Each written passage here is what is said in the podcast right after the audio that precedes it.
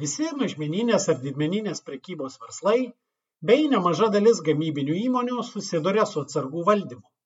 Iš šono gali atrodyti, kad atsargų valdymas nėra sudėtingas. Tiesiog sandėlyje turi būti tai, ko reikia ir nebūti to, ko nereikia. Tačiau gyvenime nutinka priešingai. Sandėlyje būna per daug nereikalingų atsargų, bet trūksta to, ko reikia.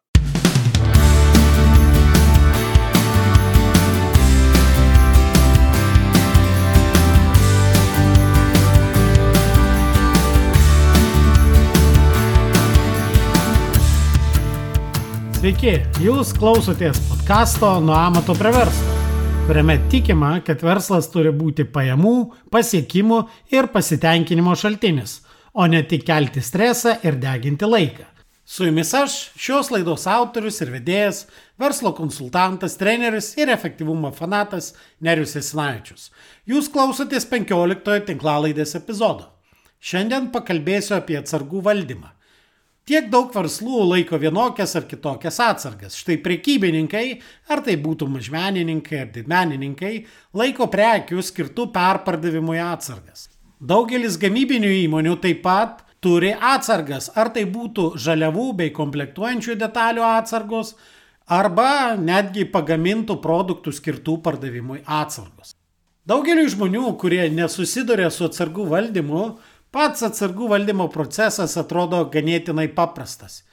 Atrodytų nieko sudėtingo, užsakinėjai tai, ką žmonės perka ar gamybą naudoja, neužsakinėjai to, ko nereikia, tiekėjai viską atveža greitai ir patikimai, o to tiesiog mėgaujasi gyvenimu.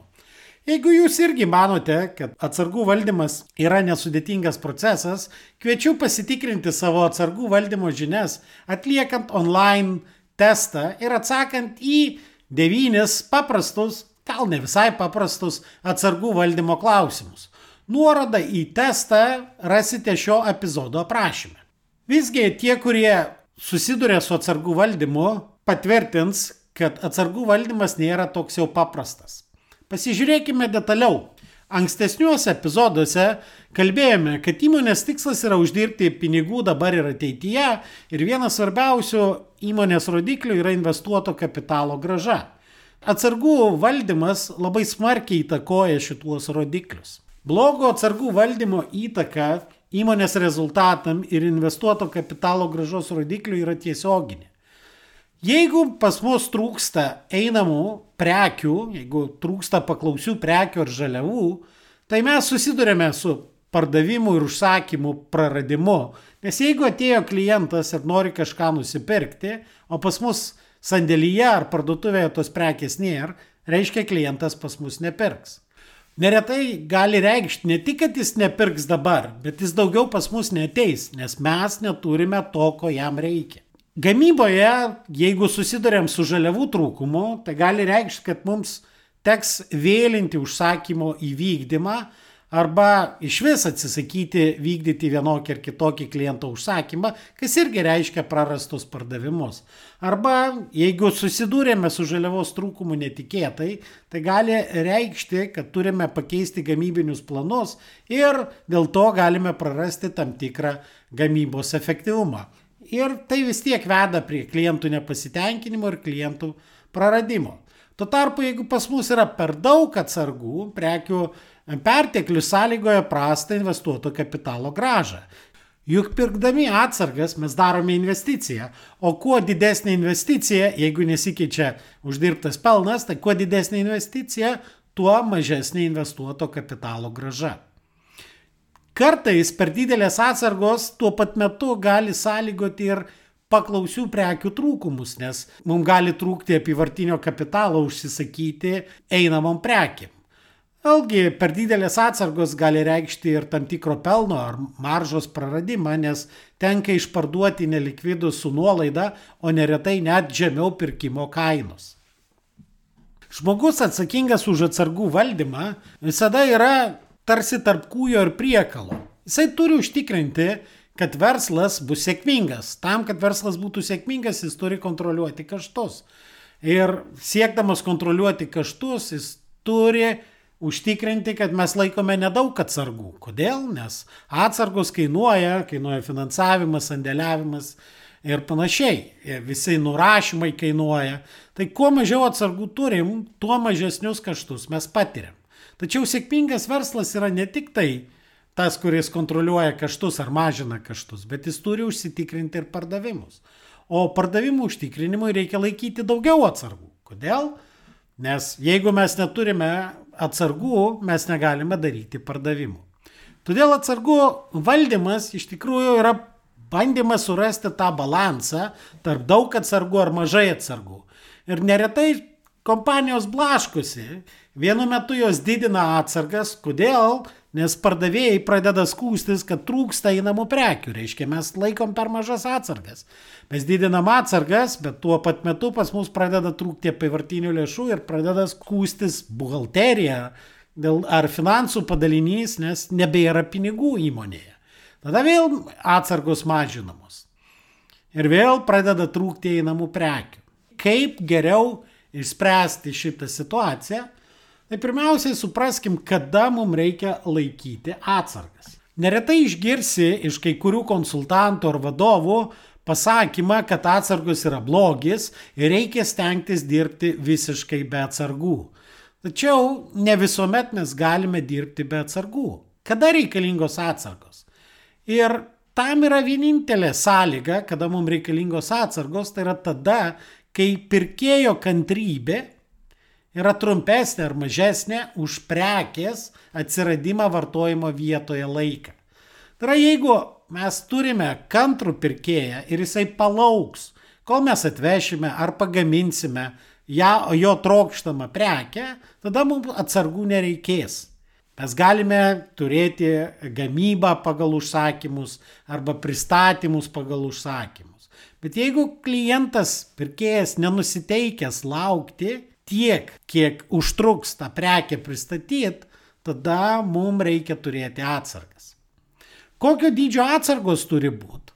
Algi, tai nėra labai sudėtinga, atsargų dydį nulėmė keletas dalykų. Pirmiausiai, tai yra aišku suvartojimo lygis arba pardavimų kiekis.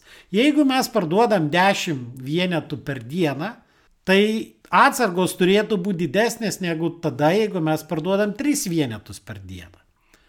Lygiai taip pat įtaką turi per kiek laiko mums įvykdomas papildymas. Jeigu mes papildom atsargas per 7 dienas, natūralu, kad atsargų dydis bus mažesnis negu tada, kai mes atsargas papildom per 30 dienų, per mėnesį. Taigi Taisyklė yra labai paprasta, kad siekiant išvengti prekių trūkumo, suvartojimo ar pardavimo taške mes turime palaikyti atsargų lygį, kuris būtų lygus maksimaliam prognozuojamam suvartojimui per vidutinį papildymo laiką. Tačiau darydami prognozes, pardavimo ar suvartojimo prognozes, mes neretai suklysime. Mes galime būti per daug ambicingi, per daug optimistiški ir tikėtis, kad suvartosime ir parduosime daug ir galutiniam rezultate galime likti su daug nepaklausių prekių ir nelikvidų, arba galime būti per daug pesimistai ir net neužsakyti pakankamo kiekio ir turėti prarastus pardavimus. Žinoma, mums reikia įsivertinti ir galimą tiekimo laiko nepatikimumą ar tiekėjų nepatikimumą. Taigi, planuojama ar siektina atsargų lygį įtakoja keturi elementai.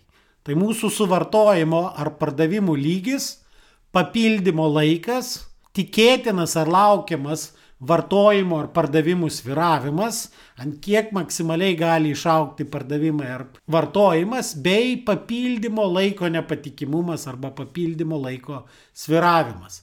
Ir aišku, kuo aukštesnis norimas paslaugų lygis, kuo labiau mes norime užtikrinti, kad neprarandam pardavimų ir visada turim tai, ko klientai nori, tuo didesnis dėmesys turi būti skiriamas viravimui, tuo didesnio, aš vadinu, paranojos lygio mums reikia.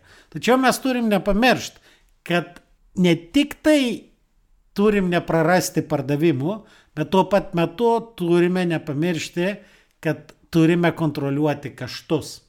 Šiek tiek noriu pakalbėti apie atsargų papildymo laiką.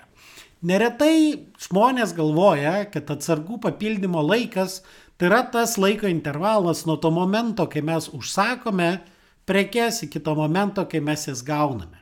Tačiau iš tikrųjų atsargų papildymo laikas nėra užsakymo įvykdymo laikas. Kodėl? Nes papildymo laikas susideda iš trijų elementų. Pirmas svarbus elementas tai yra tas laikas tarp prekės suvartojimo ar pardavimo iki to momento, kai mes suformuojame užsakymą. Labai retai, kada organizacijos, tai yra įmonės, užsakinėja kasdien. Jeigu aš užsakinėjau kartą per dvi savaitės ir jeigu aš pardaviau prekę, tai nereiškia, kad aš ją iš karto užsakysiu. Tai gali praeiti iki dviejų savaičių ir tai vadinasi užsakymo pateikimo laikas, kuris yra vienas iš papildymo laiko elementų. Kita papildymo laiko dalis tai yra užsakymo įvykdymo laikas, kuris dažnai susideda iš dar iš dviejų dalių. Tai yra užsakymo pagaminimo laikas arba užsakymo surinkimo laikas, užsakymo apdorojimo laikas ir transportavimo laikas.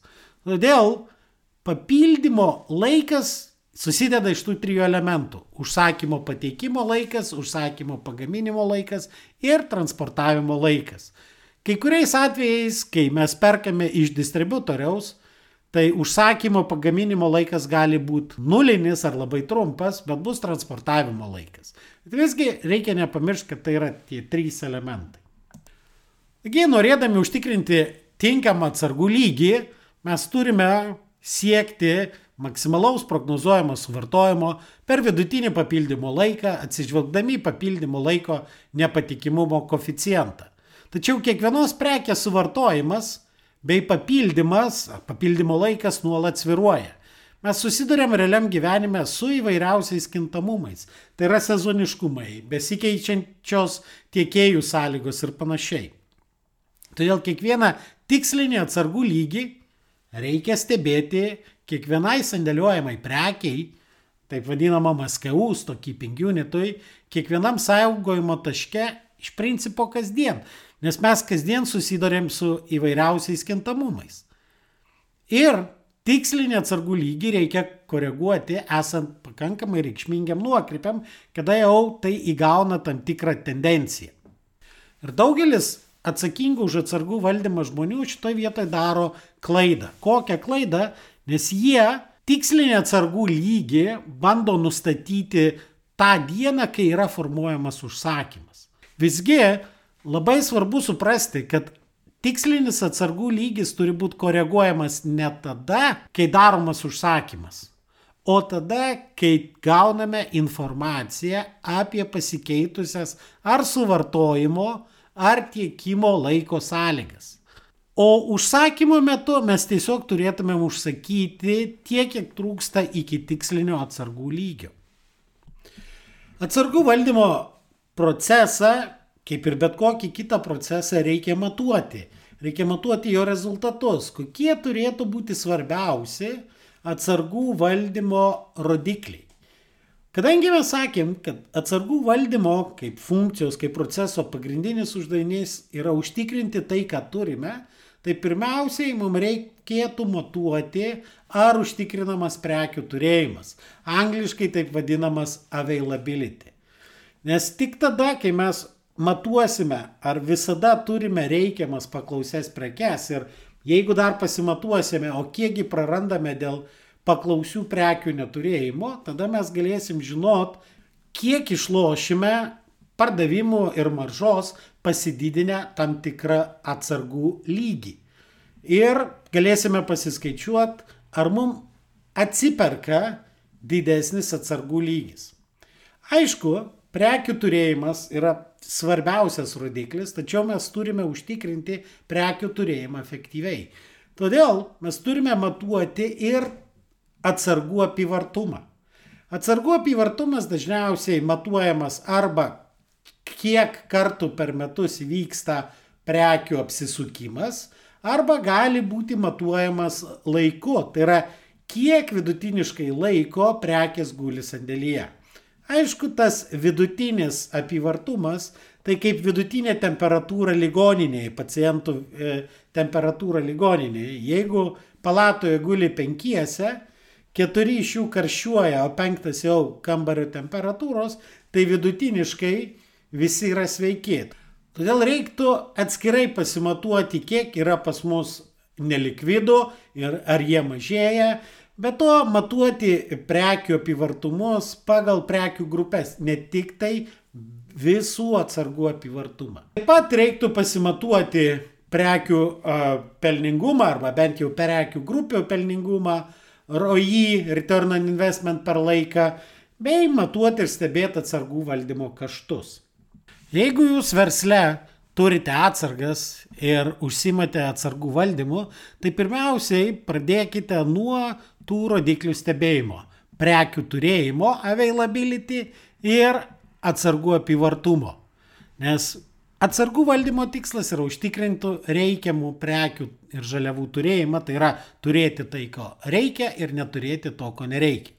Pradėję matuoti atsargų valdymo proceso rodiklius, galėsite persižiūrėti ir pasitikrinti, ar nustatyti atsargų lygiai kiekvienai prekiai yra teisingi, ar jie atsižvelgia į prekės suvartojimą, papildymo laiką ir panašiai. Jeigu norite sužinoti daugiau apie atsargų valdymą ir tobulinimą, kviečiu pasižiūrėti neseniai vykusio webinaro įrašą, kurio nuorodą jūs vėlgi rasite epizodo aprašyme O norinčius reikšmingai pagerinti savo įmonės atsargų valdymo procesus, kviečiu sudalyvauti atsargų ir asortimento valdymo mokymuose. Daugiau informacijos apie šios mokymus jūs galite rasti adresu www.toc.lt